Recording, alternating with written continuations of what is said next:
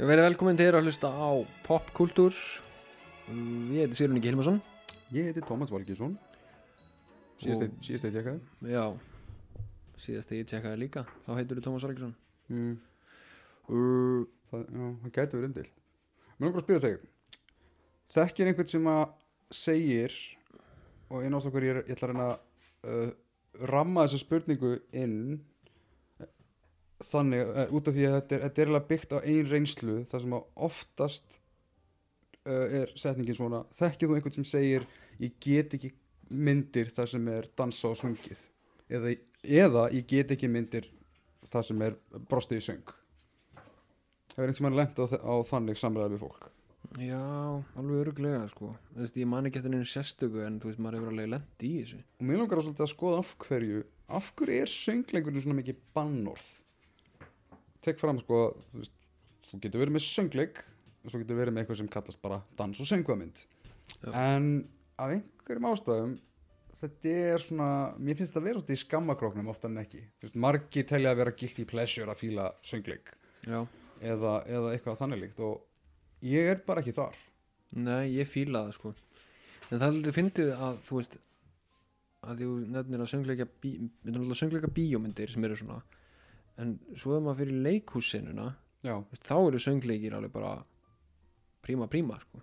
Já, það bara fylgir þetta forminu. Já, einmitt, þú veist, þá er þetta bara með bara high class leikrit sem bara eru sínd í ára raðir og veist, valla gengur það í ára raðir nema sé söngleikur. Já, og þú veist, Matt Stone og Trey Parker búa til söngleik Book of Mormon.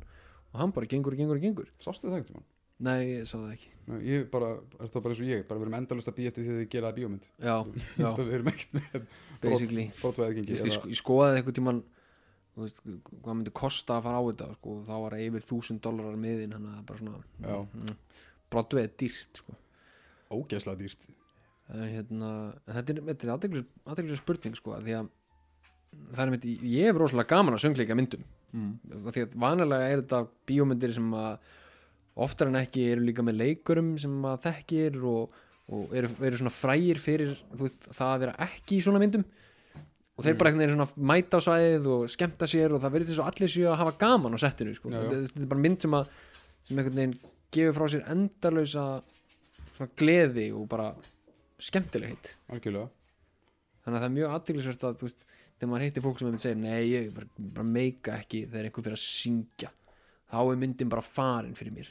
Ég heyrði til dæmis eitt þegar að Slumdog Millionaire kom út. Já, þá þekkti ég strák sem að hataði í rauninni alla myndina bara út af Bollywood dansatriðinu sem er á meðan kreditlistin rúlar kreditlistin er já. Já. myndin er búin sko. Já, sérst út af því að þau taka reynda bara fr- frekar flott minni mig svona, svona um, já, Bollywood dans í stíl við loka kreditslægið það sem að það er svolítið verið að já, þetta er bara stemning. Sérst út af því þá í rauninni bara Já, þá var bara, er myndin. bara öll myndin dismissuð. Já, það er, það er eina atriði sem ég lendi virkilega sem var bara svona ha? En þú veist myndin er meir ok, þú veist, ok, þú fílar ekki söngamyndir en, og dansmyndir, myndin er samt búin sko. Er byrjað að rúlla. Hvernig ætlar að dismissa tvo klukkutíma bara út af einhverju dansatriði? Þetta er þetta rosalega algengt. Ég, ég veit ekki hversu oft ég mitt heyrt fólk segja bara eitthvað, "Nei, ég get ekki þessi mynd, það er ömulur endir. Hvernig varst restan af myndinni, bara, bara f- f- frekar góð sko. En þessi endir sko, já ok en, en, en, en maður skilur þetta er tilfinningi sem að þú skilur við þegar þú lappar út úr bíónu þannig, en þetta er svona mjög sérstakur fótu til að setja niður. Mm -hmm. sérstaklega, ég bara já myndin er það mikill stílgrautur fyrir að þetta var það, það síðasta sem maður sem hefði komið mann á óvart var einmitt að Danny Boyle hefði slúta myndin á þessum nótum með hvað það búið að vera svolítið svona græmi skítumynd sem endar ógeðslega, ógeðslega vel. Já, og svona gott celebration af því. Að því þetta er líka indversk þetta er indversk mynd mm. og það henda Bollywood Indursk framleysla já, já, já, þú veist, leikararnir eru indverjar og myndi gerist í svona, þannig að þú veist það, það, já, það að henda þessu Bollywood dansatriðan í lokin er meira svona meira svona virðingarmoment Já, fyrir indverska kveikmyndagerð heldur en eitthvað annað sko.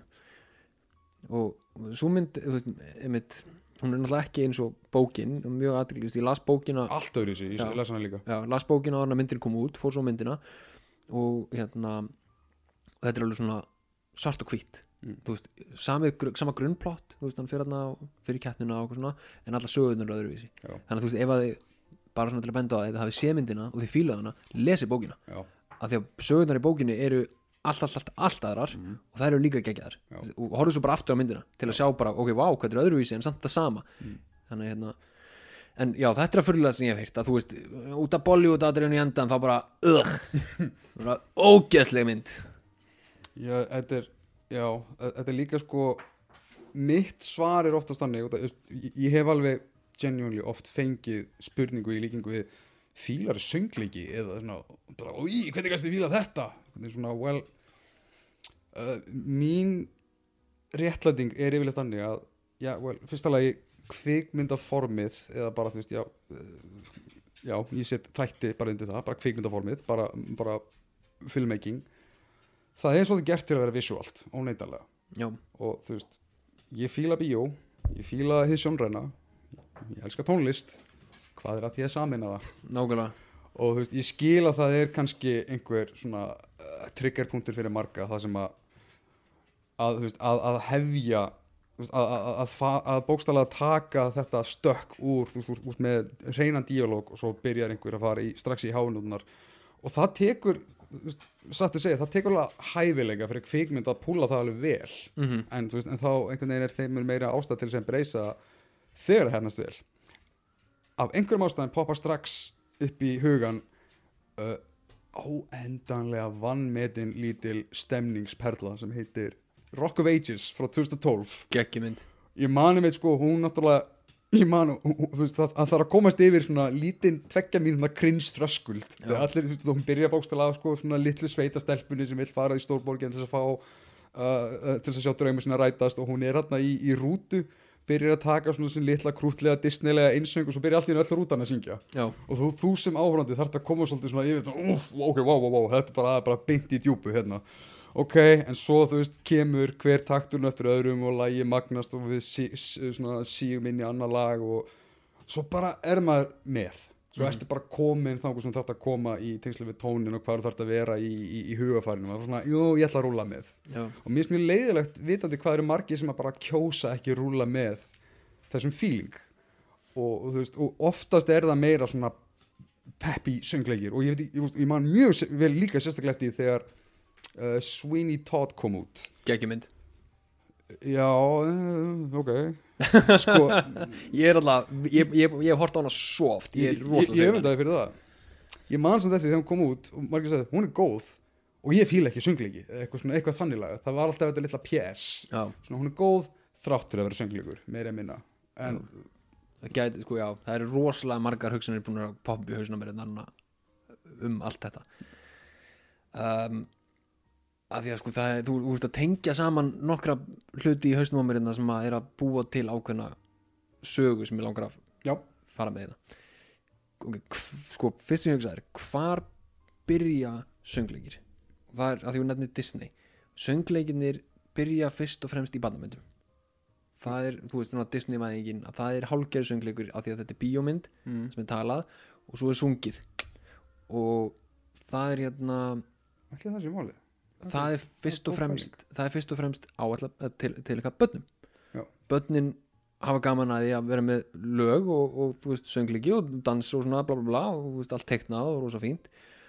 Og það er einhvern veginn alltaf miða við þessa hérna umræði að það er eins og við svona einhvern veginn gerum ráð fyrir því að við bara eldumst upp úr því. Já, og þar að leiðandi verði söngleikir ekki lengur töff. Já, og sérstaklega því að þú veist svo koma úlingsárin þar sem maður virkilega hatar þetta allt. Mm. og það einhvern veginn svona elst upp í svona ugh, nei, söngleikir þetta er bara, bara Disney myndir og þetta er bara fyrir krakka og, og svona, á meðan að þú veist það að bara leifa sér að einhvern veginn fljóta með þessu og hafa gaman af þessu skiptir svo miklu máli. Og það er meitt hérna að því hún endir að það er erfitt að púla þetta. Þar kemur einmitt ein Disney mynd doldið sterkinn og það er Aladdin já, Aladdin, teiknumyndin er bara mögnuð. Það er, það er myndin sem ég horfði á alltaf sem krakki, þú veist bara aftur, aftur, aftur, aftur, aftur sú mynd sem að fólk átti, það var Aladdin fyrir mér. Ég vissulega var mjög spenntur fyrir live action myndinni. Og mér finnst hún alveg mjög fín sko. Fín. En hins vegar, það sem sést allavega frá mínum sjónarotni þegar maður horfur á það að það er erfitt að leikstýra söngleikjamyndum Guy Ritchie, hann er ekki söngleika leikstjóri. Nei, nei. það sést. Söng, að söngatriðin og dansatriðin í myndinni þau er ekkit frábær. Þetta snýst líka, ég hef sérstaklega pælt í þessu með Aladdin að reyndar flest þessi Disney remake yfir höfuð. Varandi það sko að þú getur líka leiftir svo marga crazy hluti með animation forminu. Gott dæmi það er líka, þú veist, það er Lion King og Beauty and the Beast og Aladdin, gott að setja þær svolítið saman vegna þess að það er einkennast oft af mjög svona high energy tónlistanúmerum sem er bara ógeðslega erfitt að fanga í live actioni. Skilur, þú getur, þú getur gert alls konar abstrakt hluti við einn teiknaðan ramma versus í rauninni bara svona hvað setti býður upp og hvernig getur gert án þess að fara í ákveðu overkill. Og ég meina þú, þú, þú fylgist með uh, hvort sem að það er Our Guest lagið úr Beauty and the Beast eða, eða andalögin í Aladdin það er eitthvað það er eitthvað svona smávægilegt orkutap sem, sem, sem, sem verður til hann í flutningum mm. kannski er það bara rithmin og hraðin og ofvirknin sem að Robby Williams keirði á þegar hann var að syngja en þetta er einmitt, þú veist, þú þarft að þú veist, já, til þess að orða þetta frekar viðjandi, þú þarft eiginlega að ná absolutt réttum tón, rétt, réttri hæð Mhm. réttri stillingu þetta þarf að, þarf að matreiðast x vel til þess að svona form af svona, já, larger than, larger than life myndi ég segja presenteringu gangi upp vegna þess að svipa ást að koma inn á áðan með að margir bara mörgum líður eins og, eins og þeir, séu að eldast upp úr þessu. Þá kemur kannski eitthvað út frá því að bara svona ný, lífið er ekki dans og söngur þetta þetta er alltaf mikið gleði. Og líka þú veist, meina, cynisismi náttúrulega líka bara skaust í ákveðna vinsaldir út frá því þannig að allt sem var einlægt og sérstaklega svona hjarta opið í söng þótti bara púkalegt. Og mér finnst eins og sé ennþá pínu mert þannig Já, og það er mitt loka eiginlega hugsunina mína að því hún endir Todd að fólk verður að segja ég fíla aldrei söngleiki en mér fannst þessi góður. Að þú veist, þetta er svona bara gætið að mögulega tengst því að þetta sé söngleikur um morð.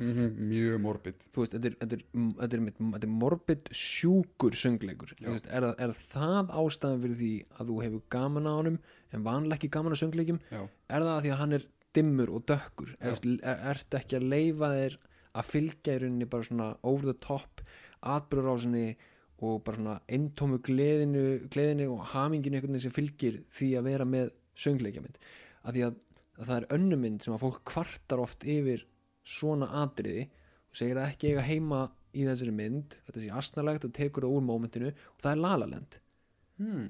þegar þau eru öll að dansa í byrjunni ofan á bílum Já, og, já. og, og því dóti mér fannst mjög oft sjá, sérstaklega á íslenskum umræðu þráðum eða vera að tala um hana þegar hún kom út að það atri hafi verið svona, Dílbrekurinn já svona uh, þú veist þeir allir voru upp á bílónum og það er meika ekkert sens á hverju gerist þetta, þetta myndi aldrei gerast í LA það er enginn í LA sem bara hoppar út úr bílnum og fyrir að dansa þú veist, ef eitthvað er þá er það bara flautunni og segja næstu mann að fokka sér. En þú veist, Þetta kallast bara að gefa tón fyrir hvað sem þú ert að horfa á. Nákvæmlega. Sem er, já sem er mitt fyndum, þess að La La Land er líka sko, það, ég myndi segja að það sé líka gott um svona söngleikja mynd fyrir þá sem fíla að ætti meðlega ekki fíla söngleikja og hún er mjög bitur. Ertu, Já, já, já. hún er umsaldið svona, svona, svona gráleika lífsins og þannig en, en það hljóma svolítið eins og með Sweeney Todd einstaklingin að, að, að þarna þessi viðkomandi að gera sér grein fyrir því býtu vó, það eru víðari pólar á þessu heldur en einhvern veginn uppalega mætti halda, það ég skil að það sé hægt að hafa mjög staðlaða mynd af söngleikjum og oftar en ekki hugsa maður um eitt uh, maður ma maður á ekki að hugsa Disney en maður hugsa svolítið Disney, maður hugsa Broadway maður hugsa svona stórar ykta tilfinningar allt er Nákvæmlega. sungið, sagt upp átt og allt gerð til þess að vera úper stíliserað maður mér stílisering skemmtileg en svipað kemur stundum ekki, alls ekki jafn oft en stundum kemur það fyrir að fólk dismissi uh, teiknimyndir. Bara því að þú veist æ, ég er eitthvað vaksun upp úr teiknimyndum segir kannski einhver, en veist, teiknimyndir er ekki geiri, þetta er ekki genre þetta er, þetta, er, þetta, er listform. Mhm. þú getur sagt eftir heimsendamynd og haft hana teiknimynd. Þú Já. getur gert da- dark sci-fi mynd þú getur gert, þú veist, erotíska ástasug hún getur verið teiknimynd. Nákvæmlega. Þetta er bara eitt form af tólum sem að getur náðið víða völl. Og mér finnst söngleiki er oft, oftast líka alveg, alveg, alveg flokka undir þetta. Veist, það, er, er ekkert að fara að segja mér að, að veist, Chicago og Rocky Horror Picture Show sé eitthvað svona í sama kaliberi þannig séð, sko, þetta er bara ger ólíkir fílingar sem að veist, maður er annarkvort til í eða ekki. Og með Lalaland dæmið þetta er einmitt akkurat sem ég, mér finnst nöðsynlegt að, að kvikmyndir geri meira af sem er bara, þetta er það sem við erum að gera við skömmustum ok- okkar ekkert fyrir það. Ef þetta er ekki fyrir þig þá það minnskvæmst að vita núna. Já, og ég elska byrjun á Lalaland ef eitthvað mér finnst hún stórkostleg. Eini gallið við það er að mér finnst hún ekkert passa við myndina. En mér finnst hún ekki vera miklu sögusamingi við hana. Þetta er meira bara svona glamúr fyrir glamúr já, svo byrja sagan. Já þetta er, þetta er, þetta er smá svona Hollywood atriði áður en Hollywood mynd byrjar. Já. En, en, en á sama tíma get ég ekki hvart og mikið yfir því vegna að ég er svona, ok, myndin er svona. En að vísu síðan kannski og jú, það kannski þræði kannski líka inn þau vombrið að ég vildi kannski meira svona já, en myndin síðan fyrst fer svolítið svona já hún, hún snertir í rauninni aldrei þennan reit aftur sko. í raunin ekki, ekki, ekki þetta energy level sko. Og, og, og La La Land líka finnst mér einkennast af því að það er alveg klukkutíma perjúta í myndinni sem að, það er eins og myndin bara gleymi því hún, að hún hafi verið söngleikur eða söngvamynd til að byrja með. Já, en mér finnst eitthvað svo magna líka að Disney teiknimyndirnar hef ég yfirleitt meira flokka sem svona, svona söngu og dansmyndir. Mælikvarðið fyrir mig var alltaf þú veist, er bara þú veist, er bara fimm lög um að ræða. Oftast var það þannig í svona gullaldar Disney teiknimyndunum og veist, ekki endilega bara gullaldar heldur. Já, já, já, svona, já þeim all flestum það var oft, þú veist, þú ert yfirleitt ekki með mikið af lögum, þú veist, ef þú tekur saman Aladdin, Beauty and the Beast, Mulan Little Hafmeina og getur farið aftur og aftur og aftur. Þetta, þú veist, kannski líka myndirnar eru oftast ekki mikið meir en 80 mínútur það spilar inn. Já, eru en, en þetta eru genuine tónlistar númer já, þú veist, þú ert ekki með þú ert ekki með þú veist, svona aðhæf tilfelli þar sem hefur verið að syngja allan sögutráðin svona meira minna eins og já, e- e- e- eitthvað sem svona meira kent við Broadway stílin og ég skil vel að það sé faktorið sem að kannski slekkur mér á fólki þar kemur kannski eitthvað svona meira ónáttúrulegt inn í, í væpun og fólk bara þráir veist, ef, þú sér tvær manneskjur á skjánum og hugsar geta ekki bara að tala saman? Ég er ekki að tengja mig við þetta á neinu svona, svona rausnarlegu leveli og það er kannski eina af ástæðan fyrir því margir hafa slögt á Hamilton eða eitthvað þannig eða, eða Les Mis sem er ætti að vera meira sungin en hún er en þú skilur gist í þessu. Já, það sem að þú veist, já, það er meira að minna að vera að heldtaka allt af söng og söngurinn er bara tjáningsformið. En ég, ég er mjög fórhundan að vita hvort að svona Disney dæmið eigi einhver þátt í þessu. Ég er ekki búin að kynna mér það nákvæmlega en ég myndi giska að, veist, ég meina, að þetta er náttúrulega bara elsta formið af skemmtun skilur bara dansbor, söngur, Mhm. gleði leikrit, alls konar, þú veist, það getur verið vaudeville sem síðan blætti yfir í, yfir í gömlu kvikmyndirnar og ég skil vel þegar kvikmyndir gáttu fyrst bóðið upp á hljóð eða talmynd hvað var svona aðal sjónarspilið í, í gamla Hollywood well, skilur, fullt af dansurum, tapdansurum og bara þú veist, já, pomp og prakt og allt þetta áður en að síðan það var yfirtekið af ok, hversu mörgum sprengingum getur við tróðið inn fyrir peningin og þú veist, það er alltaf nýtt og nýtt trend en ég myndi halda að þetta myndi svona pínu haldast í hendur. Og kannski sé almenning skilningurinn og ég vil endilega einhver leiðrétti mig að þetta er keysið, að það er kannski meira svona, já, almenning skilningur að Disney mjallkvít frá, þú veist, hvað var hann 30, 1937, 39 já, það sem að það svolítið svona meira komið sem meira í gang en, en, en hver veit, það er, það er, kannski, það er kannski góð pæling. Þannig að þú veist. Og það er líka, þú veist, það er eitt annað sem að hérna geti reyndar leitt til þess að einhver sem að sé að hlusta segir svona, "Ugh, ekki fara þennan svo átt. En hérna er eitthvað söngadrið í gósa mannstu því?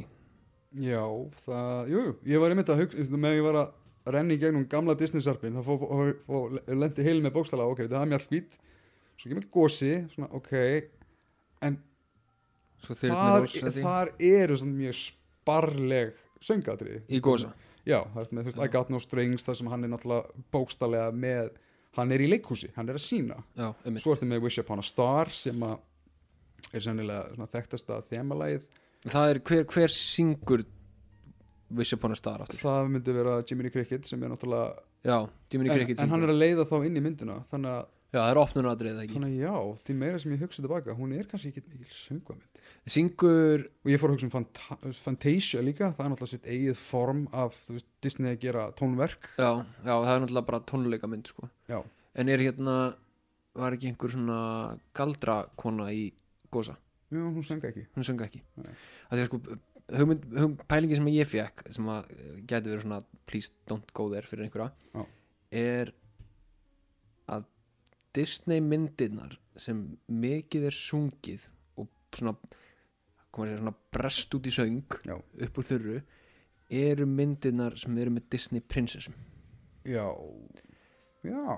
Sem gæti ítt undir þá pælingu að þetta sé þú veist, fyrir krakkana meira Mhm. stelpulegt. Já, að stelpur hafi gaman af myndum sem eru með söngum ég og, heyri og þetta dans. rosalega oft þegar ég var yngri það var alltaf bara stelpur fíla söngleiki sem betur fyrir hefur hafa tímandi breyst mikið til þess betra í þessum málum en ég að alast upp í grunnskóla ég fann fyrir þessum kynja kössum endalust Já, bara þú má, bara hvað í óskupar what the hell Ertu að hlusta, what? Ertu að hlusta Spice Girls? What, hvað hvað ertu að horfa á þetta? Þetta er mynd sem sýstiðin á bara, svona, Nei, ég, ég, ég er bara að horfa á grís fyrir sjálf mig nákvæmlega, nákvæmlega. Það er það, þar kemur pælingin þú veist, ef, er þetta það mikið þú veist, svona rótgróið? Inn, Mögulega. inn í þessu sko, þessu hérna hérna, siðmentin sem við erum með að Disney myndinar sjálfar þessar eldri allavega séu að valda þessu. Að þú veist eldra og sérstaklega þá allavega kallmenn séu bara svona, nei. Sem er sérstætt en þess að þú veist, maður myndir náttúrulega halda að flestar svona þekktari Disney klassísku myndirnar séu yfirleitt svona frekar vel metnar en það er kannski spurning hvort að margir sýta þá bara fótið niður þar. Bara já, í Aladdin má syngja. Ég gutt er að það Já, því að myndin er íkt og já, þetta er bara teikni mynd anyway. Eða þú veist, þannig svona, já, þú tekur eftir hvað, hversu auðvelt er að byggja upp svona uh, varnar afsökunarveggi svipa með Sweeney Todd pælinguna já, hann er náttúrulega hann er- hann er elda fólk og myrða fólk bara svona, bara, bara blátt áfram já, hlýtur að læga fíla þetta þessi sungið, já, þetta má, þetta má alveg. Að því að náttúrulega Aladdin syngur í rauninni ekki aðal aðal söngina í hérna, aðal lögin í hérna, Aladdin, hann er náttúrulega fyrst og fremst andin sko. Uh, sem er þá blár andi sem er, þú veist, algjörlega kynlaus Nemo tellir a whole new world með en það er duett náttúrulega já, og romantíst sko, ofan á það. Já, já, já, fyrir stelpuna um, með Lion King þar er sungið en það eru ljón. Já, svo ertu bara með Ariel og þú ert með hérna þú ert með, skal ég segja hinnar, Beauty and the Beast. Ert með hinnar prinsessunar sem að koma þessum tíma um, hver eru fleiri? Það Aftur? Þyrnir og hluti vegna svona, Vajana og Moana, Múlan eins og ég nefndi. Já, það var ekki mikið sungið í Tarsan en það var notið lög, svona frumsamin þú veist, ef það er ekki sungið beint út þá bara svona, heyrðu, ringið mér Phil Collins. Það er með einhvern veginn að fylla já. uh, hvað hva er ég að gleyma þetta meira? Uh, Hercules, náttúrulega sungin í drasl. Uh, Ringir Notre Dame já, þeir náttúrulega, þú veist, þeir á, á, á þessu renaissance tímbili, það var náttúrulega bara veist, það, það þarf að vera söngur og dans eða bursi frá uh, hvað sem er í bóði og ég, finnst það alveg skemmtilegt tímabil líka. Það er gama hvernig léku sem er söngstíla þarna sérstaklega á 90s árunum bæði með Hunchback og Hercules sem mér finnst að reynda að vera actually, frekar vannmetna Disney myndir en það skilst í dag að, að þær voru ekkert rosalega vel metnar þóttu bara svona ódýrar og bara svona já, söluverur sem svo sem eru en það var maður að hafa gaman að þeim. Alltaf mín kynslu elskar Hercules. Alltaf hún er að koma út af þeim tíma sem við erum bara krakkar sko. Herkules er einn af þessum myndum, það kemur alltaf mikið óvart að þessi myndi er ekki þú veist, hún nær ekki 90 fucking mínútum. Og þú hugsar um hvað gerist í þessari mynd. Þetta er, þetta er galið. Þú veist, hvað ferði yfir st svona stóra atbyrðarás. Allt frá bara, já, ég meina, þú veist, þú veist með allir þessi skrýmsli, með hann á yngri veist, með hann á úlingsárunum, með hann að finna sig, hann að fara í, í hérna þjálfunabúðunar, svo þarf hann að sanna sig og verða hetjan, svo verða hann stór og mikill og, og þekktur og frægur og svo kemur aðalplotti í gang og svo kom allir þursarnir, þú veist, þetta er á innan við 80 Og mínútur, svo fyrir hann til helvítis. Svo fyrir þetta helvitis, svo kemur Megara hann inn og svo ertu náttúrulega með einhverja karaktersköpur, með fullta karakterum og já, svona, þétt. það pakka mynd er þjætt, þjætt mynd. Já, og lögin eru ógeðslega hress. Já, og einhvern veginn, já, alveg hæ aldrei á myndinni. Og ert með Danny DeVito sko. Já, að tala fyrir svín. Eða þú veist þannig að hit- hit upp fyrir, fyrir Sunny. Já, en svo erum við líka að skoða hvernig áhugin á söngleikjum hefur eiginlega bara þróast í gegnum popkultúr söguna. Og það, þetta er alltaf þetta hefur alltaf verið svona trend-ish sem svona kemur og fer. Bara svona eins og, eins og með allt saman. Ég meina, þú veist, og, og, og þegar maður hugsa um ameríska Hollywood popkultúr sögu þú veist, það var tímabila sem hafa, hafa bara framleitt vestrar. Það er bara Amerikanin vildi vestir hans uh, eða stóra, stóran sönglik og svo oftast þurfti ekki nema bara til eitt risastórt flopp til að framleiti sögur, nei, ok, allir er búin að fókja þessu. Já, og hann var alveg frekar lengi í dvala mann ég. Og kom í rauninni ekki aftur svona inn í, inn í svona mainstreamið fyrir en upp úr aldamótunum svona almennilega eftir það. Það voru sjálfsög að gera tilraunir þú veist, við fengum hérna veist, uh, ef ég er að fara í gegnum veist, 80s og 90s ég meina, þú veist, við fengum alveg hérna það, þú hefur þína litlu hryllingsbúðina þú hefur Evita og, og, og, og allan fjandana myndum en það var eiginlega ekki fyrir en að Múla Rús kom 2001 það sem að fór í alvegni svona að myndast einhver áhug fyrir wow, hvað er þetta? En Múla Rús er líka, hún er nánast eins og eins og einhvers konar greinargerð slash satýra eða, og ástabref til klassíska söngleikja mm Mhm. -hmm. hún er, hún er uník grautur af alls konar og allt annað en veist, alls ekki eitthvað sem maður myndi kalla hefbunda mynd Nei, náttúrulega, þetta er náttúrulega Bas Lúrmann mynd sko, sem að er, það ekki Jú, já, sem að er náttúrulega alla myndinar hans eru sírutripp sko. Já, og eiginlega, aldrei meira heldur en Múla Rúsvart veist, hún er bara, hún er, hún er klippingar orgía en samt svona fyrir mig gæsúð orgía hún er algjörlega með, með, með, með materiálinu sem hún vinnur með, hún algjörlega mega við því. Já, já, hún er svo mikið svona bóheim, bóheimískur óður, hún er svo mikið um sínimennsku, um töfra sviðs, sviðsframkomin á sviðsýninga. Og hún er um svo shady lífstíl og hverfi og, en hún er samt dundurfallega ástasaga og hún kemst algjörlega upp með það að vera helsýrð, eins og kemur inn á hún er líka að vera indislega og ég segi þetta með bestu meðmælum hún er indislega melodramatísk Já. með besta hætti og svona innlæg, rockara og, veg, og, og, og hefur áhrif þannig. Hún basically, hún stendur sig við það sem hún committa sig við sem er ekki sjálfsagt. Nei, hún gerir það líka rosalega vel á meðan að uh, mynd sem að ég myndi reynda að að vera súrari og tölvört, tölvört verri fyrir vikið er hinn myndin hans, Romeo og Juliet sem að, já, já, já. sem að engan veginn næra pulla sama karisma sko. það voru hjálpað ekki annars til þess að hita upp fyrir Múla Rús Já. það, ég, ég sammála þar, þar, þar, þar virkaði ekki að taka hún var náttúrulega ekki sungin, Nei, en, ekki sungin. en, en hún var veist, hún var lifandi tónlistamindband hún heitir MTV bíómynd sko. það sem að, að ósnertur Shakespeare díalógur spilast undir rosalega miklu svona 90s svona MTV popstíl og, og sverðu með skipt út fyrir byssum og allt einhvern veginn helst í, í gömlu rætunar en presenteringin er bara ekki að fungera þetta virkar ekki, þetta er, bara, þetta er bara ljótt. Þetta er cool tilraun en þetta er bara tilraun. Svo kemur að múla rús sem að bara, vá, Bas Lúrmann takk, þarna átt að vera, Já. þetta er flott. En svo svo fyndið, svo eftir, eftir Múla Rús hefur Bas Lúrmann reynt að gera allar aðra myndir sínar að Múla Rús Já, já, tekur basically. Great Gatsby sem er, sem er stórkostlega bók og ég er reyndar fílað myndina en maður samt horfur á myndina og bara Bas, er þetta ekki soldið? Hún er, einmitt, ég er, er sammálaður, mér finnst hún mjög góð. Ég, hún er einhvern veginn svona nær rétt svo að, að dansa á línunni yfir því að verða of mikið. Já, en það er náttúrulega með sko það er bara að henda konfetti í rosalega gott materiál en Já. materiál er gott og það skýn í gegn og það eru skemmtilega leikar og allir fá að vera yktir og yfirdyrnir og, og það, það virkar svo margt við hana. En það, það laumast alltaf þessi, þessi, þessi svona gaggrina rödd í mann bara svona, í alveg bæs, meira konfetti? Ok, já, og það hann er að nota veist, mjög mikil hérna svona 2010 poplög og já, já, já. Með Jay-Z lögarninni og hellinga svona bara í mixum og dóti. Mm en, en hún er alltaf samt heldur ekki sko sönga á mynd. Nei, nei, er nei, hún- svona, hún er náttúrulega eiginlega smá dansmynd, það er mikið dansaði uh, sérstaklega í partíunum. Þa, það er með alveg svona mikið lagt í atriðin þar. Já, hann er með alveg svona koreografa dansatrið í, í, í sumum af partíatriðunum. Já. Sem að, sem að í rauninni, já, hún, hún er eiginlega í svona ákveðum söngleikja stíl en er samt í rauninni bara, veist, ég held að flestir myndi bara flokka hana sem drama, en hún er samt, ég, er svona svipað á. Komstinu þetta er, rím, þetta er rímiksmynd, Þetta er- bara bræðingur. þetta er algjör rýmingsmynd en hérna það er ein líka mynd sem að uh, snertið daldið inn á hérna þetta sem vorum að ræða áðan með að söngleikja myndir séu einhvern veginn séu einhvern veginn svona inngróið í okkur að þetta sé meira fyrir krakka og eða stelpur sem er, er alveg skelfileg hugsun. Og það er myndir hairspray.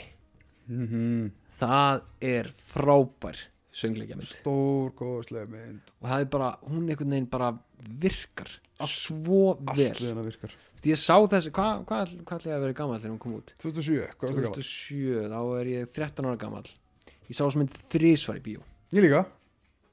Og ég sagði held ég í fyrsta þætti frá því þegar ég var að sjá hana og sparkaði í sæti á krakka og mér langaði bara að njóta minnar einmitt. En þannig að- að ég sá hana svona tvö hálfskipti Man, það svona fyrst, fyrst ég, ég, ég keipti soundtrack áður en myndi kom út, ég var svo peppaður í hana.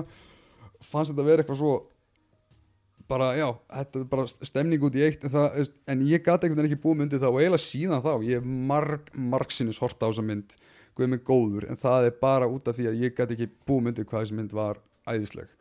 Hún er svona, já, kemur inn á rosalega mikilvæg human topic bæði varandi þú veist bara svona segregationu og rasisman á þessum tíma og maður segir þessum tíma þetta er náttúrulega ennþá já, og en veist, basically mynd um rosalega alvarlega hluti og það er rosalega mikið gretta í henni en hún samt presentera sig svona nánast eins og þessi Disney mynd. Veist, þetta er náttúrulega byggt á John Waters handriti og þetta er veist, John Waters að vera þægur. Hann er venjulega ekki þekktur fyrir að vera sérstaklega dannaður en ég elska hvernig það skýn í gegnum hairspray og til að gefa hlustundum aðeins mér að samingi John Waters leikstur sem gerir bara kvikmynd svona það sem er mm, það er nokkuð dansatriðin, þetta er mynd um, um sjónvarps og dansmenningu sem heitir bara hairspray frá 86 það er síðan breytt í Broadway söngleik Broadway söngleikurinn og svo gerður að kvikmynd uh, í leikstjórn Adam Shankman. Kemur úr 2007 John Travolta er hérna allrændur í, í, í hérna í en ekki svona fatsuit, svona, svona koni gerfi já, fyrir, fyrir leiku konu sem er bæða vei indislegt innskot og þetta John Travolta náttúrulega, herra Grís Mhm. Danny Zuko, bara ok. Hann var búinn að segja fram með þessum punkti í svo mörg, mörg ár. Það, það, það, það var alltaf case býst ég við í Hollywood að, ef þeir ætlaði að fara að setja framlýsla af stað á söngleik það var alltaf hringt í John. Bara heyrðu, ertu til, ég meina þú kannt að dansa þú ert mm, góð söngur, þú ert til í þetta. Hann sagði alltaf og þetta, og þetta hef ég eftir það sem að hann segir mitt uh, í behind the scenes featuretti frá Hairspray það ég er náttúrulega bara að horfa á diskin marg oft búin að horfa á aukefni marg oft. Hann var alltaf að býja eftir rétta tækifærinu. Mm. hann var búið Chicago hlutur ekki sem að Richard Gere fekk hann bara Já. nei, þetta er ekki rétta momentið svo kemur hérna einhver, er ég með agfeita móður. Þú færð þetta er hlutverkið. Þarna kem ég og algjörlust bara svona, já, hann lítur að hafa sett hlutverkið að hann fengi að kissa Christopher Walken fyrir utan það að, það var ekki on screen reyndar var það ekki on screen? nei, en þeir fengu að eiga romantískan duett sem er Já. svo stórkostlegt en bara þú færð að þú, þú, ert, þú ert giftur Christopher Walken þú, ert, þú leikur konu, þú ert í fat suit þú færð að dansa og syngja með Christopher fyrir að máta Walken brjóstarhaldara og, já, já. og þú veist, færðarleg góða persónuverk þetta er, það er, er hress persóna og allt þetta við þetta en, og kannski líka út af sögunum sem síðan komið setna mér af engalífi John Travolta sem að bara gaur, ef þú fíla kallminn bara fílaði kallmenn, hætta, hætta, að láta eða vísindakirkjun að tala þig niður. Og þú veist, svo á Tom Cruise gerir bara, nei, nei, nei, ég er, ég er straight ég er straight, bara, nei, nei, ég, bara, bara, ég vil slá niður alla þessu orðum um þetta, ég fíla kallmenn bara, who, who gives a shit skilur öllum drullu saman með þér. Og, þú veist, og, og það er eitthvað svo fyndið við það að, já, að fara upp í, í, í, í variety af kjólum hafi fengið Travolta til að koma. Ég er svo til í þetta. En, þetta, en ég er algjörlega undir selja hva, þú veist, hvað gerir hairspray góða. Er, þú veist, og ef eitthvað Travolta er eiginlega slakasti parturinn við geðvegan leikkóp sem enginn er þessa mynd. Já, nefnilega. Hann er eiginlega svona, maður horfa hann svona ok, þú ert góður en mm, ekki alveg, þú veist allir eru með sitt A-game í þessari mynd. Þú veist, Nicky Blon- Blonsky sem ég held að hafi ekki gert neitt að viti eftir það þetta, hún sést, er leikur aðhlutrikið Tracy Turnblad og þetta var myndi sem að kveikta á minni óforskammar ást fyrir Zac Efron Mhm. þarna var hann bara þekkti fyrir High School Musical maður svona, ég, ég ætla ekki að kíkja á það ég er mér þess að söngleiki að hóran sko, bara, High School Musical, er ég, ég, ég, er góður þess það er aðeins að þú eru þessi markkópur þar það breyttist síðan að vísu setja mér en, en hann er ég bara, ó, Zac Efron, þessi gæði bara talentaður Já, nákvæmlega, það var einmitt það er sama Þetta er myndir sem ég á og ég hugsaði, ok, Zac Efron getur, hann er 100% að fara að geta gert aðra hluti heldur en bara High School Aha. Musical sko. Þessi gæi er ekki að fara að verða Christopher Walken er þarna James Marsden er þarna með besta bros í heimi Michelle Pfeiffer alveg þvílík dýnamík sem sem hún kemur með. Eiginlega bara hálfgett comeback eins og ég sé það eftir, eftir eftir Grís 2 mynd sem hún skamma sín fyrir en, en mér finnst eiga réttilega en kvöld sess. Það er bara allt við hairspray sem ég skamgu upp og ég man sérstaklega þegar ég sá hann í bíó. Eða, eða nánatildíki þegar ég hlusta á soundtrackið. Það, það, það er oftast þannig raðað að góðu söngleikur eða góð söng og dansmynd finnst mér eiga að vera metin svolítið eftir því það er saga, það er leikarar, performansar framslíkildi, þemu, allt saman. En oftast nýst þetta bara basically um það hversu mikið að lögunum Já. og hvernig þau eru sett upp. Já, og hairspray væri þessum fágætu dæmum sérstaklega á þessum bíóferðum að dæma. Ég, það var ekki eitt einasta lag sem ég langaði að taka út. Ég elskaði þau öll. Bara Mhm. myndir rúlaði svolítið í gegnum þvílíkan playlista af mismunandi svona retro típum af alls konar veist, menna, fúr, já, alls konar lögum sem að bættu við innihaldið peppu upp á innihaldið, peppu upp á tímabili sem þetta gerist á, leiði leikurinn að skína dansinn og, og, og allt þetta stöf er bara veist, þetta er þetta er svona svipa að horfa góðan áhættuleik þegar þú horfir á virkilega góða koreografa danseðinu sem er bara, vá, manneski þessu fólki tókst að gera þetta þessi move, ég myndi, myndi slátra með bakinu og öllum sérstaklega líka þegar að myndirnar bara, sérst, eins og dæmis. Og þeir sem hafa séð þessa mynd vita alveg, en hérna hún einhvern veginn bara það, það lekur bókstarlega gleði af skjánum. Já, það er, þú getur ekki hort á þessa mynd klárað hana og verið í slæmu skapi. Ég bara neita einfallega að trúa því.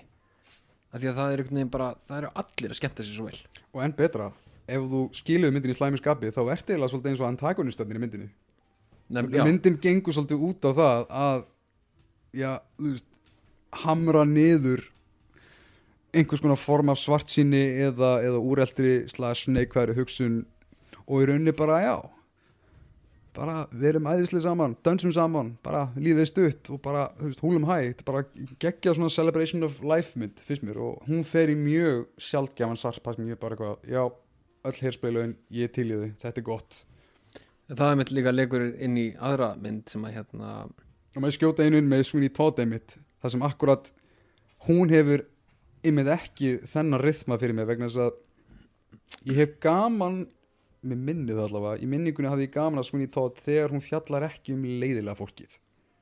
Sist, basically þegar þú ert með rottna fólkið, ef að það er Johnny Depp eða Helena Bonham Carter að leik- leika mótið hvort þau eru að vera svolítið, svolítið suppuli og, og, og ljót. Mm þá er myndin í, þú veist, þá er Tim Burton svolítið í sínum gýr, en þegar þú ert með innan gæðslega bara góðhjörtuðu personum eins eins, eins, eins og strákurinn og dóttirinn skilur, þannig að þar tapa á mér alltaf svolítið. Já það, ég er einnig sammála það er eiginlega eina sko, með, ég hef hort á hana svo ótrúlega oft Svínindótt og hérna mælu með að segja þetta nafn mjög oft og mjög hratt og reyna að enda ekki á Svínatótt svona í tóta dímið Barbara Fleet Street.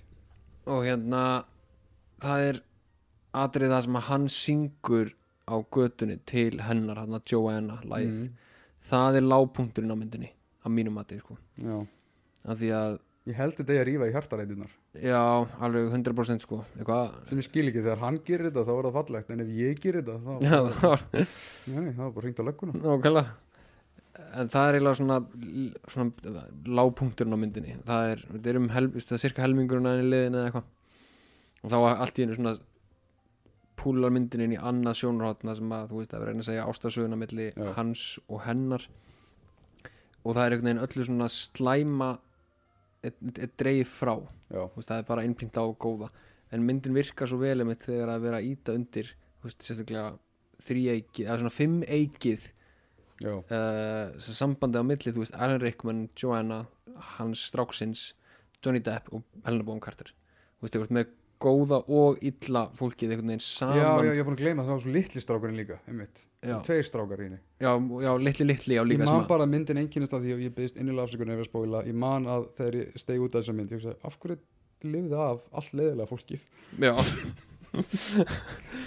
allir, bara. Nema Alan Rickman það ekki, hann var, hann er sjálfsög dó.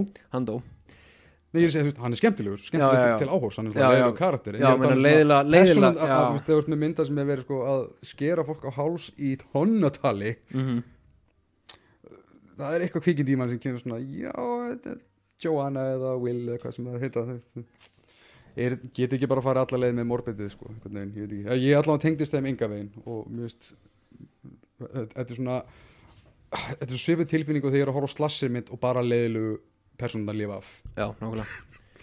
Það má heldur ekki glemma ég að Sweeney Todd gaf okkur stórkostlegan karakter sem að Sasha Baron Cohen mm leikur, frábært aðri og nota bene, ef þið horfa á þessum mynd aftur fylgist þið með buksunum á Sasha Baron Cohen. Hva, Hvað gerist þar? það er bara þessi fína high def bjúa þarna inn í, Já. inn í, inn í spandexinu eða þessum þraugbuksu sem hann er í. Og ég er bara nefnd að eins og um leið að einhver saði þetta við mig svona, ok, hvað ert þú að glápa á? Wow, þetta er bara David Bowie bungan úr, úr labyrinth sko. Ok, ég get ekki afsýð þetta. En hann var góður í henni. Hann var er góður í henni. hann hafi verið í henni. Það var með geggja atriði sko. En hérna en er hann eitthvað ekki góður? En þetta leiðir einmitt í eina söngamind að þetta hairspray svona tónum á hann sem að einmitt, þú veist, gjössanlega tröll reið Íslandi Ísland? Ísland já, já, já, við erum alltaf ennþá þann dag í dag aðsóknar mesta Ísla, mynd Íslandsögunar og hún var það mjög lengi allavega. Fór alveg langt yfir hvað 110-180.000 manns eitthvað svo leiðis Náði franska myndin ekki að topa hana? Nei, neini, neini, ekki sens. Hún kom, kom, nei, okay. það var alveg hún, hún, hún fór bara eitthvað í 80 eitthvað held ég. Já, já, var alveg, það var alveg gott áhör á henni sko. Ég mann eftir því. En við erum að sjálfsögja að tala um Mamma Mia mm. Þú veist, sing-along sýningar og þú veist, Mm. mm. endurtekin áhorf og bara Mm. uppselt, uppselt, uppselt bara hver sýning á fætur öðru Það er líka að mínum að þið ógeðslega skemmtileg mynd hún er fín ég hins vegar dyrka framhaldsmyndina Ég hef ekki hort á hana, ég heyrði að hún var leðileg það er, það er rámt þetta er miklu, miklu betri mynd Er það málið? Já, ég, sko, ég, ég hef yfirleitt verið svona, svona sæmilu verjandi Mamma Mia mitt sko, þegar, þú veist, þessi mynd hún er þú veist, hún er svo mikið það sem hún er bara svolítið, já, svolítið komin á að með hairspray þetta er bara, svolítið, að, bara, celebration of life, þetta er bara lífsgleði og bara höfum gaman, leiðum okkur að vera þú veist, ung eða miðaldra og bara fuck it, einhvern veginn svona allir dansa, allir geta dansað bara, bara stuð Það sem ég dyrka líka sérstaklega við hana er að hérna, leikararnir sem eru fengnir í þessa mynd þeir, þeir kunna ekki að syngja sko. Nei, Þú veist, uh, hérna, Pírs Brosnan, hann kann ekki að syngja. Nei Stel, Stellan Skarsgård kann ekki að syngja. Eiginlega á ekki að vera að syngja sko. en, en, en samt einhvern veginn eru mómenti í myndina sem að bara myndin nær samt að einhvern veginn fljúa á stemningunni. En ég áttaði mikið samt almennilega á því hvað svona var að klikka í fyrstu Mamma Mia myndinu og, þegar ég sá nummer tvö. Ég er sko já, ef ég er semi-verjandi fyrstu myndarinnar ég ætla að koma með svakalega játningu sem ég held ég hef aldrei satt áður. Og ég er svolítið svona falið mig á bakvið. En ég fór ekki á neina mynd jafn oft í bíó árið 2018 og Mamma Mia Here We Go Again. Það er þannig. Það er 100% þannig. Og ég veit ekki eins og hvernig það æxlaðist en það gerðist. Hvað sást hann oft? sexinum Sex sinnum í bíó Mamma Mia 2 fór hana fyrst hérna, alltaf samlokanir sama með Hereditary. Bara ekki, æ, ég næ alveg Mamma Mia hérna, veist, 5.30 og þessu bara Hereditary klukkan 8 á Það er rosalegt kombo. Það var ekki, ekki holdt sko. Nei, svo endaði ég með því að fara með uh, elsti dóttur minni á Mamma Mia 2 og bara svona, herri, hún getur ekki að fíla þetta. Sem hún gerði, þannig að við höfum afsökun til að fara aftur. Og ég var alltaf að reyna að sannfæra aðra í kringum mig um að þessi mynd væri ekki bara betur en fyrsta myndin, heldur bara legit frábær fokkin skemmtun þannig að ég tók svolítið svona hol og við, menn við, í hverju tilfelli af þeim sem að eftir standa viðkomandi eða viðkomandi sem ég, sem ég dró með mér þeir skemmti sér konunglega. Málið með Mamma Mia 2 er það, þess, þessi mynd annað en fyrsta myndin er að reyna að segja smá sögu. Hún er að koma aðeins inn á svona uh, ég ætla ekki að segja dýpra en hún er allavega að koma inn á aðeins svona mannlegri level. Og það sem ég meina með því er að í fyrstum áma myndinni þú ert með bara A-hliðina. Það eru bara þekktustu slagarnir út í eitt. Mhm. skiptir engu hvort þið geta sungið skiptir engu hversu gott eða ekki gott koreografið er.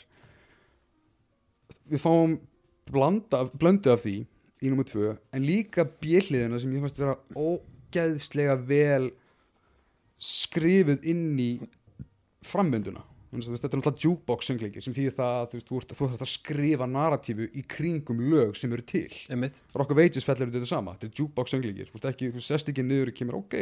Nei, nei, þú þarft að finna leið hvernig Fernando á söguþráðslefili getur einhvern veginn leitt uh, uh, tengdi síða meir eða áður fyrr í sögunni við uh, One of Us eða já, Mamma Mia titillagi, Dancing Queen When I Kissed a Teacher, nefndu það en í þessu framhaldi eða prequel, eða forsögu framhaldi þetta er náttúrulega Godfather 2 söngleikja myndina, ég líka ekki að þér hún gerist bæði, hún er framhald en hún segir líka söguna af já, hún segir Hvernig- Meryl. Streep baksuguna og nútíman Donna, and the Dynamos.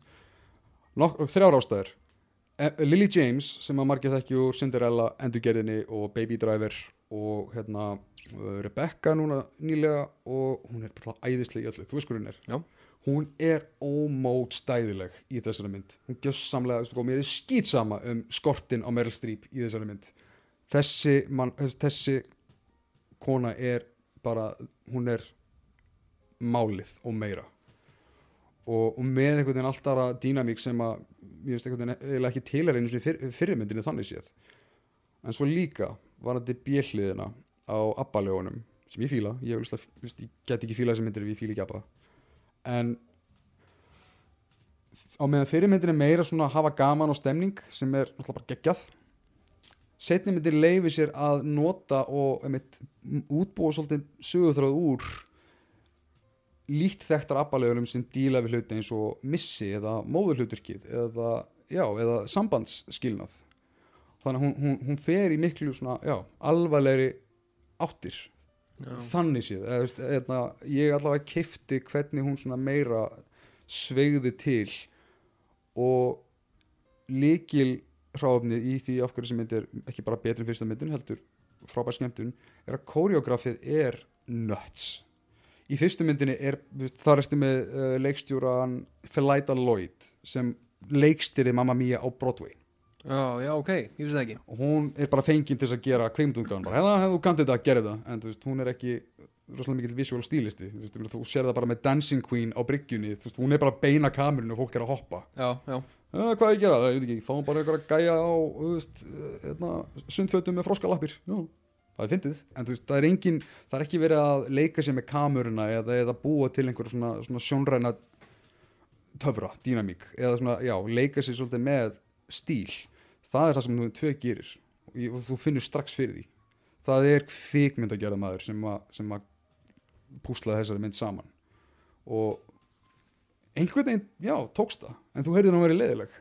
Já, því að ég heyrði hún var verri heldur en uh, já, leiðilega var kannski ekki rétt orðið. Ég heyrði hún var verri en fyrirmyndin ég hef séð stundum rísa upp einhver svona litlar, litlar svona hot take greinar með bara let me tell you folks Mamma Mia 2 is actually better than you think og ég er svo ánægð með það og ég, ég held bara sísli ég væri að vera einhvers konar svona örli kalkaður.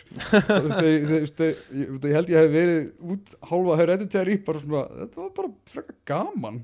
Með enga væntingar og svo einhvern veginn fer ég að spila aðri úrin í hausnum á mig meira og meira og meira fyrir að pæli mitt bara, wow, kameraplacementið þarna er alveg frekar whack og hvernig það leiðir við í þessa senu hvernig leikarnir eru bara þú veist þú veist, bossfylli af sjarma og Piers Brosnan syngur miklu minna í henni. Sem er kostur. Og þau lög sem að voru í fyrirmyndinni eru öll bara miklu, miklu betur renduruð eða útfærð í setnimyndinni þú veist, ég meina, jú, Meryl Streep að taka, taka Mamma Mia er veist, fín sena en þegar Lily James og hinnar tvær uh, vinkonunnar hennar taka þetta þetta er allt annað level. Og þegar, þegar setnimyndin tekur Dancing Queen með, þú veist ég veit ekki, 300-400 statistum og Stellan Skarsgård og Colin Firth að taka Titanic pósuna það er ekki hægt annað en að hlæja sér annarlegin yfir þessu. Þetta er bara stemning og ég, ég er algjörlega í saumaklúps andanum þegar kemur að þessari mynd. Mér finnst hún bara æði og ég var mitt út af því líka hún lefi sér að já, hún, hún, hún snertir málefni og, og, og meiri svona harm lífsins heldur en fyrirmyndin en með samt einhvern veginn þannig hætti að hún er ekki að pandera eða hún er ekki að ofmjólka neitt. Bara, hún nýtir bara lögin vel og er vel skipulögð og, og, og, að þetta, þetta var bara eitthvað sem bara var til upp úr þurru. Fyrsta Mamma Mia myndin er bara byggð á sýningu eins og hún eins og hún samin, eins og hún var gerð. Einmitt. En svo kemur bara einhver, einhver dutti bara einhver, einhver Ole Parker sem að skrifaði og leikstýri framhaldsmyndinni og einu sem ég veit um hennan mann fyrir þann kommentari sem ég hlusta á sem hann greinilega lagði vinnu í rammana sem hann stilt upp er að þetta er eiginmaður leikkonar hérna, Tandy Newton. Já, ok. Það er einu sem ég veit um hann og bara okay, hefur hann ekkert gert neitt annað eitthvað svona stórt eða? Ég er ekki viss um það þá er alltaf al- algjörlega að fara fram hjá mér sko. ég maður bara, þú veist, já, þegar maður fyrir að sem mynd maður bara, ok, þessi cash grab er þetta skilur, mamma mía framhald hérna tíum setna, hvað ætlaði bara að nota sömu lögin aftur og bara einhvern veginn björliðina og, og hvað Meryl Streep bara draugur í henni? Þetta er allt satt. Þetta hérna er stórkostlega. Já. ég meit heyrði sko alkvörtur sem ég heyrði var einmitt af þú veist Meryl Streep trailerarnir spiluðu svo stórt að Meryl Streep væri svo mikið í myndinni. Og það væri rauninni bara 180 gráðu beigja sko þegar þú byrjar að horfa á hana. Að Meryl Streep er bara ekkert í myndinni en það er líka bara legit díalógur og trúverði konflikt sem eiga sér stað í þessari mynd. Á meðan þó svo ég get alveg tekið upp hanskan fyrir fyrirmyndina hún er eiginlega meira minna bara fólk að skrækja og vera fullt. Mm. Þetta er bara eins og horfa ársatíð á, Já, á já. Greiklandi já, klálega. Það er Þannig að- brú, já, að brúðkaupa á Greiklandi þannig að þú ert einhvern tíman á, á góðu með slæmi við þetta að fara að horfa á Mamma Mia 2 engin spurning, sérstaklega ef að já, kúrur okkar er á móti fyrstu myndinni já, 100% sko, ég bara hafði aldrei heyrt svona jákvæð jákvæðir fór hérna, sex sinnum á þessa mynd þetta sumar og ég veit ekki hvernig. Þetta bara, og hvert skipti var bara ógeðslega gaman. Og ég man ég hugsaði bara svona, mér er mjög andum þessa mynd. Ég skil al, algjörlega alla gallan hennar. Hún er svo mikið það er stórkostlegu fjöldi. Hvað? sex skipti samt. Já, þetta er rosalega oft. Ég, sko, ég bara að Not, fara nota á, bene ég borga ekki einu sinni. Nei, nei, nei, kannski spilar inn. En þú veist samt sem áður að fara á bíómynd sex sinnum á meðan er í sýningu er rosalega mikið, hefur einhvern tímann farið áður svona ofta á vikuna mynd? Já, já, en það hafði ekki gerst í þessum fjölda í sennilega tíu ár áður að fram að því. Það voru marga myndi sem ég fór 6, 7, 8 sinum á einu sinni. En veist, það var á árum þar sem að ég var veist, mennskjælingur á listnámsbraut og gerði ekki mikið annað en bara að horfa á kveikmyndir, teikna, hanga með vinum og stundum saminast það með bíóferðum og ég meina, ég veit ekki hversu oft ég fór á Revenge of the Sith, ég man ekki, eða, jú, ég man það reyndar, ég fór á hana sjö sinum mann er blóndað að sjönda skipti var á ammælistegi mínum. Okkar, fyrir ekki, það var ammælistegi okkar. Am, en að ég fór sama ár viðböðslega ofta á Sin City fór viðböðslega ofta á fyrstu Avengers bara því að þú veist maður vildi bara svona mjölka upplifuna með að maður hafa hana. Bara svona ok, þetta er svolítið uník þetta tala til mín, þetta er gaman. Og já. Og svo náttúrulega einmynd sem að ég kannski skiljanlega sá mjög oft það voru sex skipti líka, það er World's End. Já, já, þú mást þetta því? Já, já.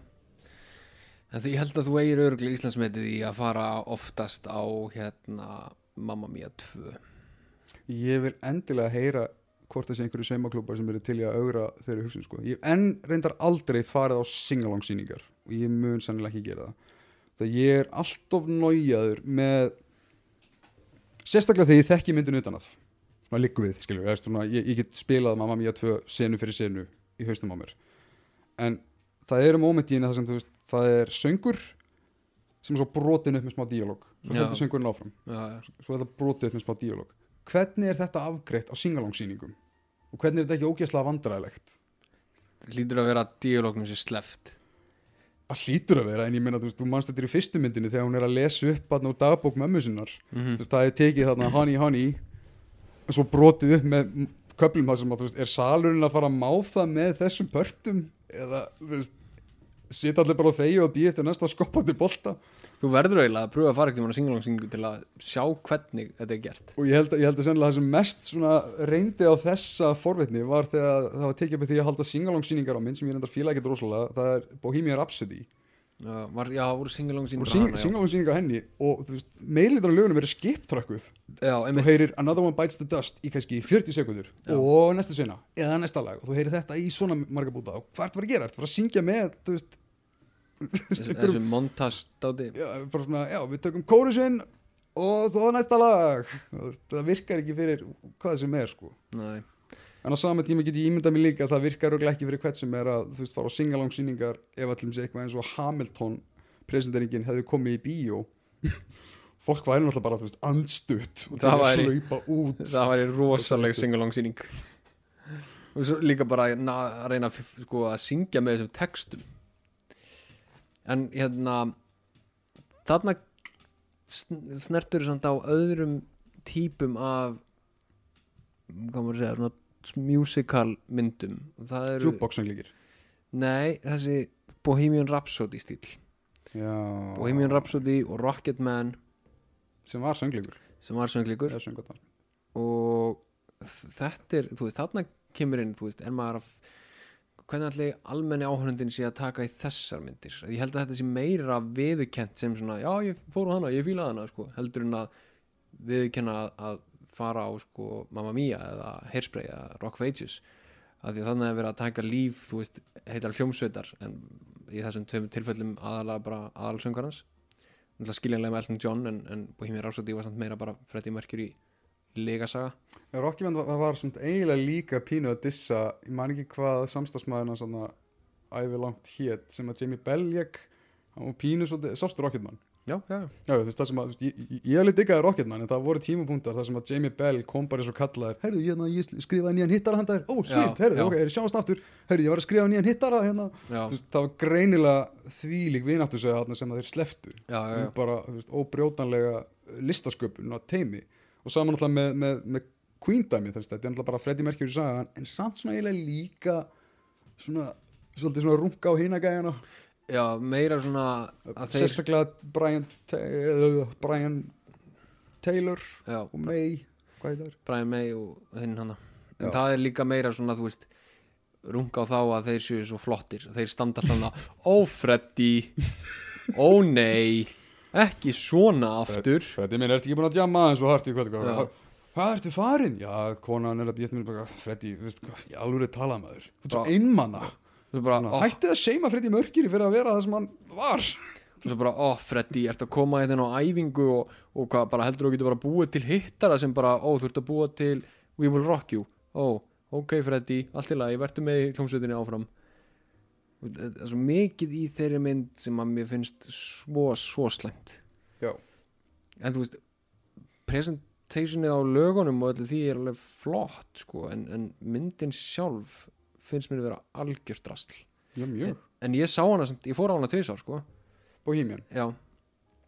Eiginlega ekki af því að ég hafði ekki með því að það góð þetta er bara, mér, mér fannst stemningin skemmtileg sko. Já, ég, ég, ég skilu það. Og þú veist ég hef hort á hann alveg oftar en einu sinni og þú veist maður horfður á hann svona yppir einhvern veginn öxlum svona, já ok, þetta er svolítið vastint, jú, jú, ég skil alveg þetta þið tókuðu svona crowdpleasing álgun á þetta. En svo þegar hún sígur inn í hann 20 mínúna climax með Live 8 það er, tónleikunum, þá er maður bara sorry, myndin er að ná mér. Já, það er basically það atrið er basically ástæðan fyrir ég sá hann aftur sko, í bíó, það er að segja Já. það er bara því að þeir recreata hérna skot fyrir skot mínútu fyrir mínútu -hmm. allt live eight atriðið þeirra Jöp.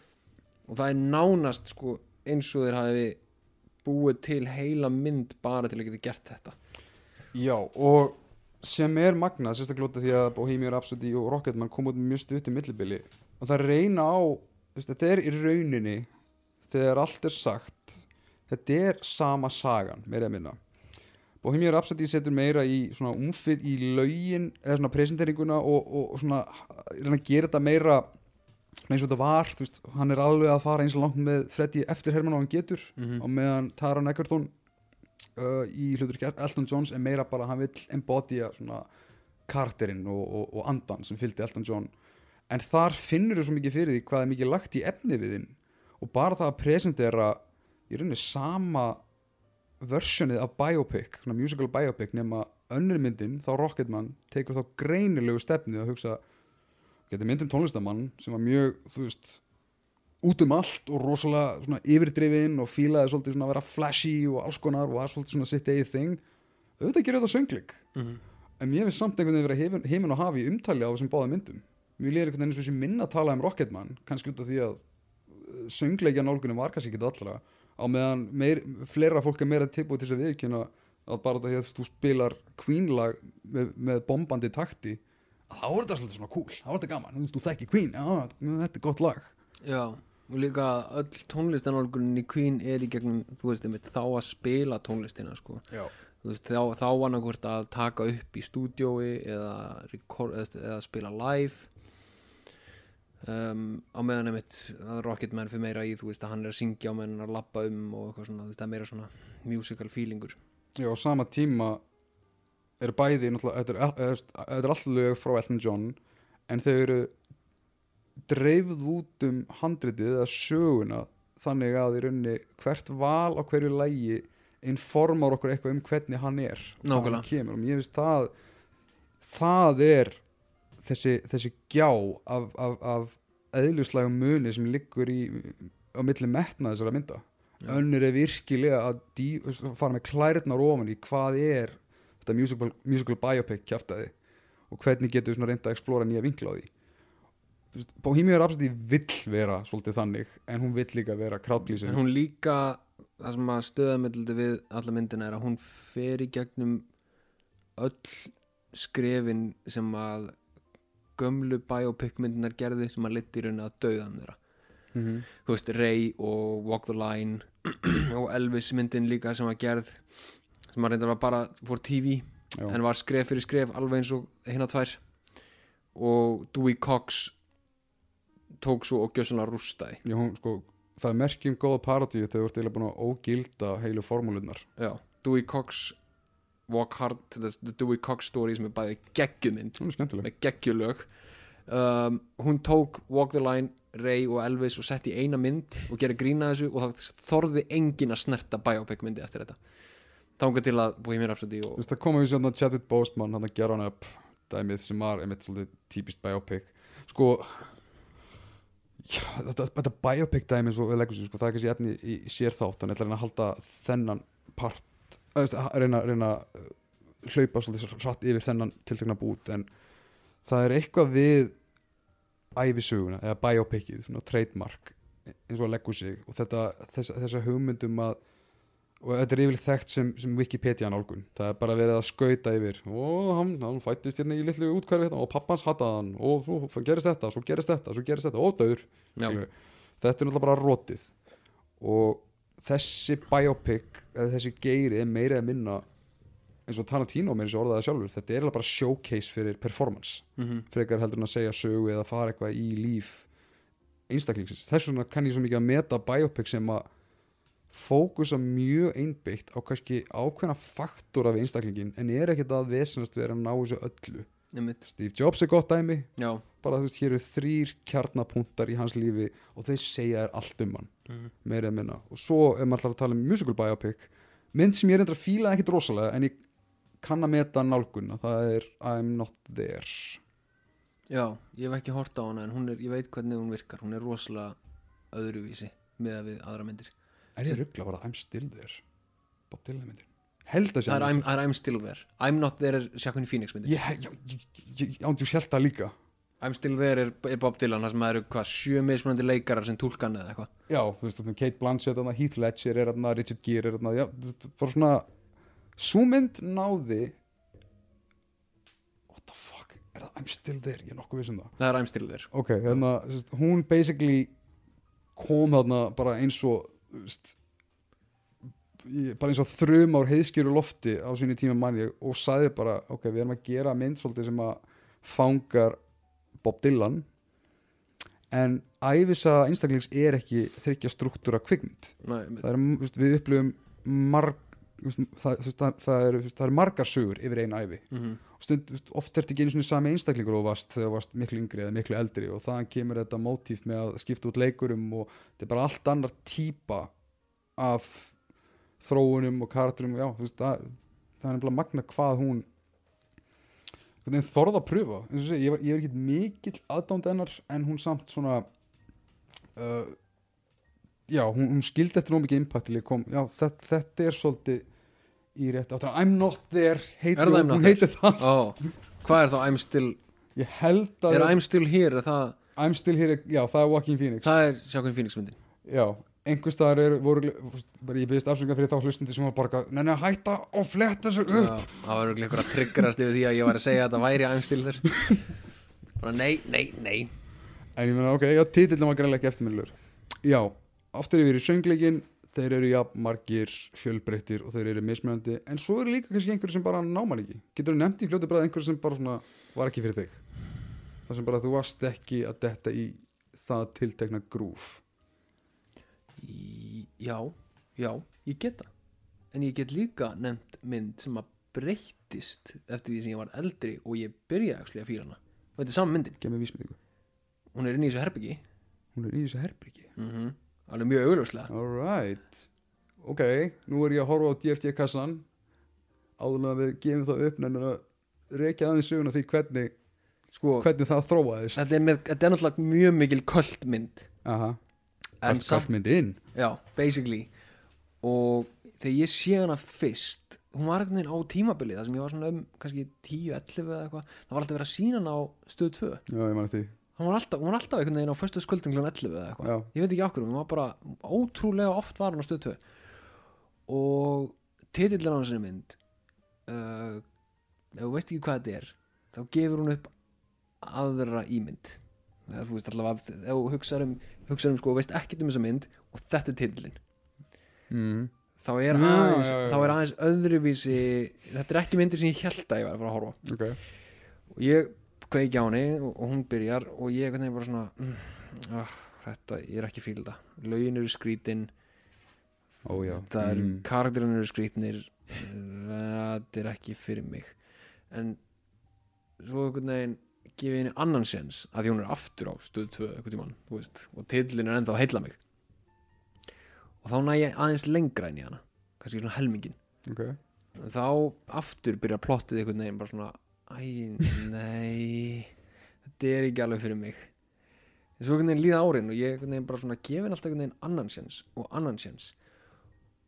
Og í dag sko dyrka ég þessa mynd en það er ég með, þú veist, þetta risa stóra DFT cover hérna. Þetta er sapgripur, hann er náttúrulega það sem við erum að tala um að sjálfsögðu Rocky Horror Picture Show varirnar frægu. Og by the way, ef þetta er rétta sett sem ég held er ekki framhaldsmyndin í þessu líka? Jú, hún er dýrmætt ég, ég áttaði mig á þessu allt of seint. Ég hataði shock treatment fyrsta skipti sem ég sá hana.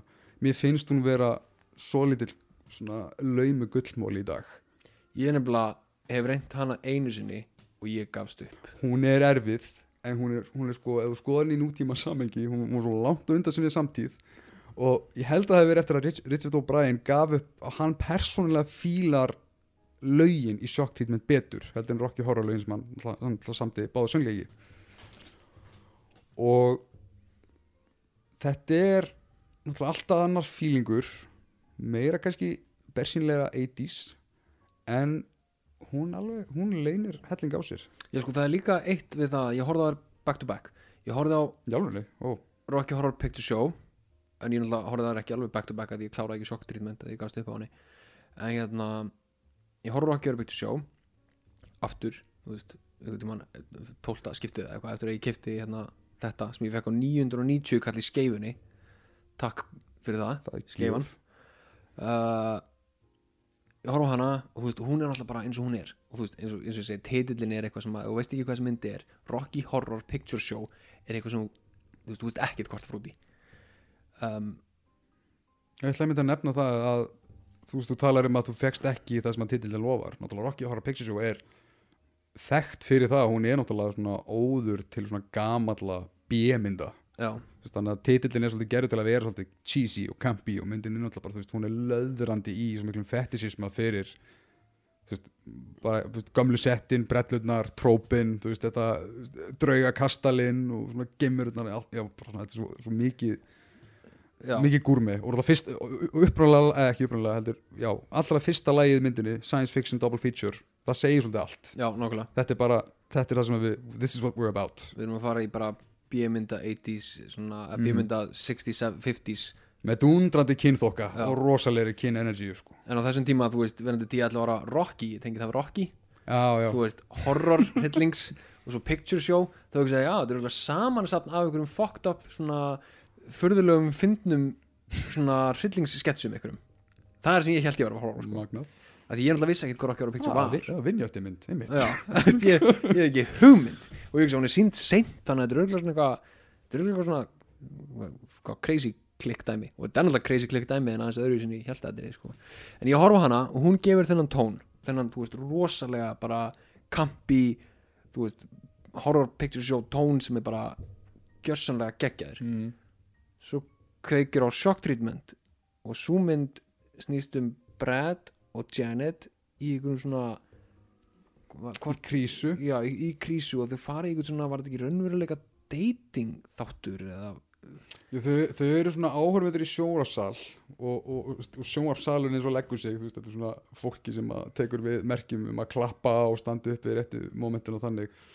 Þau eru, já, þau eru í einhver svona infomercial þætti í blandu eitthvað svona þetta er, basically bara sjónvarstúdíó og það Já. er bara rótering á, á hinu ímsu og, og þetta er, þetta er, þetta er, þetta er þrumuskot á í rauninni það sem á endanum var setna meir þú veist excessive nýslihyggja og sjónvarp og ákveðna svona, hún gerir mjög skemmtilega grína svona alfa mail svolítið svona hvað er að vera manly myndum sem er náttúrulega þú veist, sérstaklega gaman út í að Richard O'Brien er náttúrulega, hann er, hann er ekki svo alfa stereotýpa Nei, mitt þannig að veist, það er gaman að sjá einhvern veginn svona hans rödd svolítið svona krifja hvað, hvað kallmennskan er og það er gegnum gangað út, út myndina. Auk þess að hún er náttúrulega bara súr en jú, uh, skemmst er frá því að segja að þessi, uh, þetta sjónvarstúdíó sem myndin snýstum er rauninni bara eitthvað svona sick twisted bara geðveikra hæli. Já, ef maður næra endast jafn, ef maður næra endast ég, myndina þá kemst maður því. hún er erfið eins og segi. Hún, og það þurfti mikið willpower til þess að ég koma svona ok, ég ætla að gefa sér sér og ég eiginlega meira ef ég horfa á hann í dag, ég horfa hann meira, meira fyrir lögin frekar heldur en söguna eða rytman hún, er, hún, er, hún kemst ekki hálfkvist við Rocky Horror nokkuð tíman en kannski út af því ég brást svo stert illa við henni fyrsta sem ég svona aðeins meira farin að koma svona, "Já, ok, þetta er, er svolítið fucked up En það, það. var nefnt líka mín viðbröð ég horfði á, ég veist, klárar ekki horror setti þessi í gang og var bara nei, bara neip, neip, neip, neip, neip, ég er ekki að fara að klára þessu mynd. Mér var ok, ég ætla ekki sem ég var bannað en mér var það var ítrykkað mælt gegn því á mínu heimili í æsku að ekki horror ekki horror. Sem kom frá veist, íhaldsömu frændfólki að horfa ekki á hana? Já. já, já, og þú veist, já, móðu minni á mínum, svona þessi mynd var, hún var svolítið svona button pusher. Af bara svona, ég held að besta lendi lýsa er hún þótti bara of afbreyðileg já. Hún er náttúrulega út um allt. Þú veist, þetta ég sko, og til að setja þáttinn eins og, eins og þessi, eða þennan þátt meiri samingi uh, ég náttúrulega er alveg upp út, út í, þú veist af alls konar átletum af, af kvikmynda exposure þú veist, faðir minn kynni mig fyrir, þú veist, hann, hann síndi mér bannaðmyndir á tímabili það sem að, þú veist, það það þykir bara ekkert cool, pappi minn skilur ég, er- ég, er, ég er sex ára, hann er bara, já, ekki að horfa á törminnitur já, þú vil ekki sjá hana? Hann var svolítið meiri svona þetta er uppeldismynd væpur og hann sýnir mér Casablanca og sýnir mér allar þessar svona þessar típisku svona amerísku frábæri myndir. Og er náttúrulega frá bandaríkjunum ekki?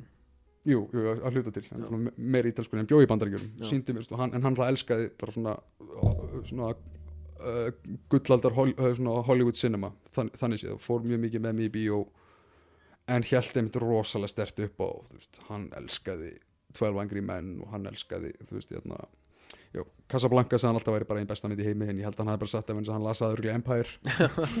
En, en, en, en að hann var svona dannað hliðin og svo var ég með eldri systur sem að þar, voru, þar fekk ég mínar clueless myndir, svona, svona úlinga stelpumyndir sem ég fílaði. Mm. í klessu og fekk svona allt annað innlit. Og svo átti ég eldri bróður hann var meira inn í svona heilalösu aksjóni, þar kemur hérna við erum frá horfa á The Rock. Já, eða, veist, eða svona, svona þetta dæmi svo ólst ég hjá, hjá ömmu minni.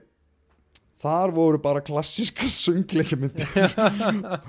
Þar voru Shirley Temple myndir fyrir fólk sem veit ekki sem er basically nánast eins og fyrsta orginal barnastjarnan. Það sem var mikið dansa á sungið og það var oft hort á Mary Poppins, oft hort á The Sound of Music og ein mynd í dag sem ég gafti yfir þegar ég sá hann aftur. Það er söngleikur sem heitir Seven Brides for Seven Brothers fjallar um bara einhverja, einhverja sve, sveitadrengi sem að bara þeir vilja bara eignast eiginkonur. Þannig að þeir ræna stelpum í ánauð og í rauninni Stockholm syndroma það er í tætlur og þeir koma, æ þeir eru svo heillandi og, og fyrir með alltaf að dansa við hlöðuna geggjaði dans, dansatrið en shit hvað þetta er reypi ógeðslega mynd. Mm.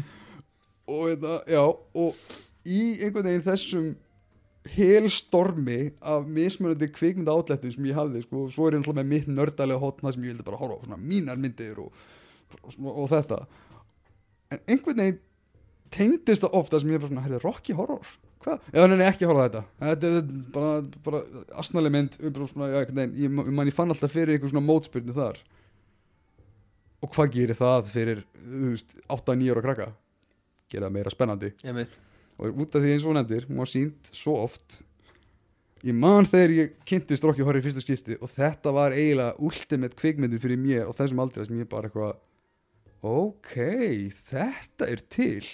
Þetta má í bíómyndum. Mm. ég, ég náttúrulega skildi ekki alveg þessar, þessar löðrandi kynorku og hvað myndin er bara veist, hún er bara sátt.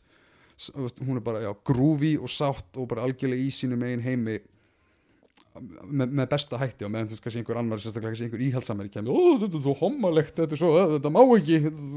Bara afbreyðilegt og einmitt ég, já, ég, ég fjall fyrir Rocky Horror eiginlega bara við fyrstu sín og hún breytist eiginlega svolítið í, þessu myndi sem ég svona fól alltaf að finna meir og meir í eftir því sem ég var eldri. En bara, sjá, bara það já, að horfa fyrsta hlutan á henni bara hvað hva, þetta er þetta er, er, er, er drauga, gimmurusaga en hún er flippuð. Mm -hmm. vondi veist, illi vísindamæðurinn hann er hann er, hann er í kjól. Já, svona, bara svona, svona hluti sem að já, svo búaðu til þetta alfa meil fullkomna Rocky. Sem er bara bóitóið hans sko. og þú veist þetta kon- conservative bandaríkjamennir sem að bílinn er að eðilegst þau bara lappa inn í þessa kynveislu einhvern veginn einmitt. og breytast þar með í þú veist einhverjar svona opnar já, verur. já, mér fannst það einmitt svo mindblowing. Að einmitt, þú veist, þurru, leiðilu vanilla, hérna, ameríska parið að þau einmitt verða partur af sýningun undir lokin. Já. mér fannst það svo mindblowing. Þegar einmitt tjaldið hérna opnast eiginlega bara, hvað er þetta ekki, bara eiginlega alveg í, þriði aktunum, byrjun á þriði aktunum þegar taka hérna Rose Tint My World. Bara, ó, yey, Brad er komin í netsokaböksur, já góð, bara áfram já, myndin var svo mikið um bara að, pikka út og svona dýþróna normin. Og þú veist, þetta, þetta er náttúrulega bara veist, þetta er sjokk alda fyrir einhvern 8-9 ára aldri. Mm. ef hann, veist, ef hann, ef hann, ef hann dettur inn í það. Menn ég skil fullkomlega líka einhver horror á þetta á þeim aldrei eitthvað, þetta er asnalegt, næsta. En, en Rocky Horror veginn, já, hún náði mjög snemma að implanta sig þannig fyrir mér sem, sem gerir það ennfremur fyrir mig magna að hugsa til þess hvað hún hefur verið motherfucking brautriðandi þegar hún kom út. 100% Þú veist, þetta, er, þetta er 75, eða ekki? Já, eitthvað þannig. Og þú veist, já þetta bara þetta fór út í kosmosið og var bara svona eiginlega hvað, eina fyrstu, eina fyrstu svona miðnætur stemningsbíómyndunum svona audience participation meira, fleiri síningar, meira þessu Költin Rís og það er bara svo það er svo geggjað. Þannig að, já, þannig að til að koma aftur að spurningunni, eitthvað sem þú fílaðir ekki eða tengdir ekki við, það er rauninni endaði með að vera eitthvað sem þú fílaðir. Mm Ok. basically. En þú? Uh, ég, ég hef reynt, ég fíla ekki Dreamgirls það er eina sem mynd sem bara, hún nær mér ekki. Já, það er góð atriðinni, svona individual atriði. Það er ekki alveg hún fekk, fekk hún ekki Óskarinn hún hérna? Hún fikk mjög, jú, jú, jú, Jennifer Hudson Jennifer Hudson á uh, Evita frá Alan Parker ég datt aldrei alveg inn í hana. Kannski er það já, nei, ég veit ekki. Það er, það er eina sem ég svona, ég hef reynt það virkaði ekki, Alan Parker, fyrir þá þessum við ekki hann, hann leikstýri Bugsy Malone sem er líka eina af mínum æsku myndum. Virkilega góð söngleikur, mynd sem þarf að endur gera vinsamlegast. Og leifa börnunum að syngja. Hugsaði það, þú veist að í, í original Bugsy Malone með mynd sem er bara með krökkum í hluturkum mm. hefur hefur séð þær? Sé, sé hana? Nei. ok, Bugsy Malone er sitt gangstermynd bara eins og Goodfellas, Untouchables bara Godfather nema öll hluturkinn er leikina bæðum ah, það er svona krökkum til úlingum já, og þetta er æði. Þegar þeir eru að skjóta hvern annan með hríðskoturum þetta er rjómatertubissur þetta er amazing. Eini hængur við myndinni sá að veist, þetta eru frábær lög sem ég held að Paul Williams hafi samið, mér minni það rétt. Það er hérna það er greinilega fullorðin sem syngja fyrir þá. Og Já, já, svona, uh, hvað er þetta? Já, það má endur gera hann að lega krakkanum að syngja. Já, uh, þetta er mér einhver, einhvern annan sem, já, Into the Woods fannst mér drulluleðileg, guð mig góður. Ekki síðan að ég var svo spenntið fyrir henni svo bara, pff, ekki neitt. Og Cats. Cats er ekki leiðileg en hún er átakanleg. Mm. hún er bara, þú veist, hún er hún er, hún, já, hún hún er bara það er sárt að horfa á hana. Og þú veist hún, hún er það, já, óviljandi afbreyði og, þú veist, og gott merkjum það að það er ekki þetta að taka hvaða sviðs söngleik sem er og bara gera það að kveikmynd það minnum að sem ég langaði að mynda að nefna áður við slútum þessum, þessum, þessum víða póli sem þessar, fylgir þessar umræði það er einmitt ég meina, jú, jú, það eru það er kannski margir söngleiki sem ég bara datt ekki inn í en oft hefur það líka með það að gera að sumir, sérstaklega ef þeir koma upp alveg frá sviði Mhm. það er ekkit automatist að það sé fara að gera grípandi mynd. Nei, alls ekki. Uh, þú veist, maður mað, mað tekur eftir ímsum dæmum í þessu og er, þú veist, oft er þeir gaggrindi fyrir þetta, en svona þetta fylgir því sem að gerist með öllum adaptations, aðlögunum, þú þart að aðlaga eitthvað fyrir skjáin og stundum bara stundum bara er eitthvað ekki að smetla þú veist, með sömu sögu, stundum er þetta með sömu leikara eða með við rentmyndina sömu lög, hvað er ekki að virka? Og ég, ég, ég lengi pælt núna frá því ég sá Hamilton í fyrra. Út af því að það er náttúrulega það eru greinilega einhvers konar hróp eftir veist, hvernig kemur kvikmyndaðalögunin en þar þetta er mér strax í hug, örgulega svipa á með Cats ef ég myndi að horfa á Cats á sviði svolítið gigantískur munur á, á, á tónlist og, og, og verkum þarna. En þú veist, sumt er náttúrulega bara hannað frá grunni fyrir vissa típu af upplifun. Já, Hamilton Broadway sýningin sem náttúrulega eiginlega bara er fullkomlega kapsjöruð með þessu þessara presenteringu sem Disney kom með með því að bara koma þér bókstælega í besta sætið fara að horfa á þetta frá mismöndi kamerusjónornum og þetta er bara sýningin eins og hún var sköpuð. Þetta var skapað fyrir svona veist, sagan er unni kringum svona, svona tegund af setti, svona róteningum af leikurum, s- sviðsmyndum ákveðnum rithma. Og ímyndaður ef þetta er síðan fluttið yfir í kvikmyndaformi. Þú veist endurist að breytum location þyrfti svo kannski bara fyrir veist, pacing eða uh, fyrir svona, meira wide appeal breyta kannski einhverjum lögunum í uh, veist, típiskar innræður frekar heldur en innsönga og þannig. Hefur einhvern veginn veldið fyrir hvað Hamilton er þið potential disaster já. í kvikmyndaformi. 100% sko, að þau líka með það er, það er ekkert nánast ekkert dialog í leikritunni sjálfu sko. Þú veist, allt dialogið er sungið þó að sé kannski ekki beint 100% lag þá eru þið samt að syngja sín á milli sko. þú veist það, mín, mínu sjónurand allavega það þarf ekki að kveikmynda þetta af því að þessi útgáfa er til. Veist, þessi útgáfa er ekki bara myndavel í miðju áhörnundarsalnum þú veist bara ein kamera og þú bara einhvern veginn svona ert eins og sért bara svona í miðjusæti. Og Pæltið að vera til svona mismyndu útgáf af þeirri Hamilton presenteringu svona fyrir þá sem eru með ódýri áskiptina Disney Plus, þið fá eina kameru lengst út í hotnið tekin hérna. Já, og meðan hérna premium áskrifundur þeir fá hérna multi-angle alveg geðvitt setup. Verður bara svo að kaupa sér bara miða svona sæti í, í söng, alvöru söngleik bara ódýri sætin og dýri sætin en, hérna, en þú veist að því að þetta er ekki þannig upptaka og upptakan er rosalega kvikmyndaleg. Nefnilega. Og ég tók sérstaklega eftir sko að hérna var, ég er bara að hlusta á lögin eins og ég er búin að segja öðrum þetta ég er búin að hlusta á lögin núna bara svona biljón og 50 sinum í hérna veist, bara tónlistur útgáð þú veist, á, á Apple Music eða Spotify. Og svo kveikti ég aftur á uh, sýningunni sjálfri á Disney Plus og það er alveg stór munur á veist, lögunum og svo sýningunni sjálfri.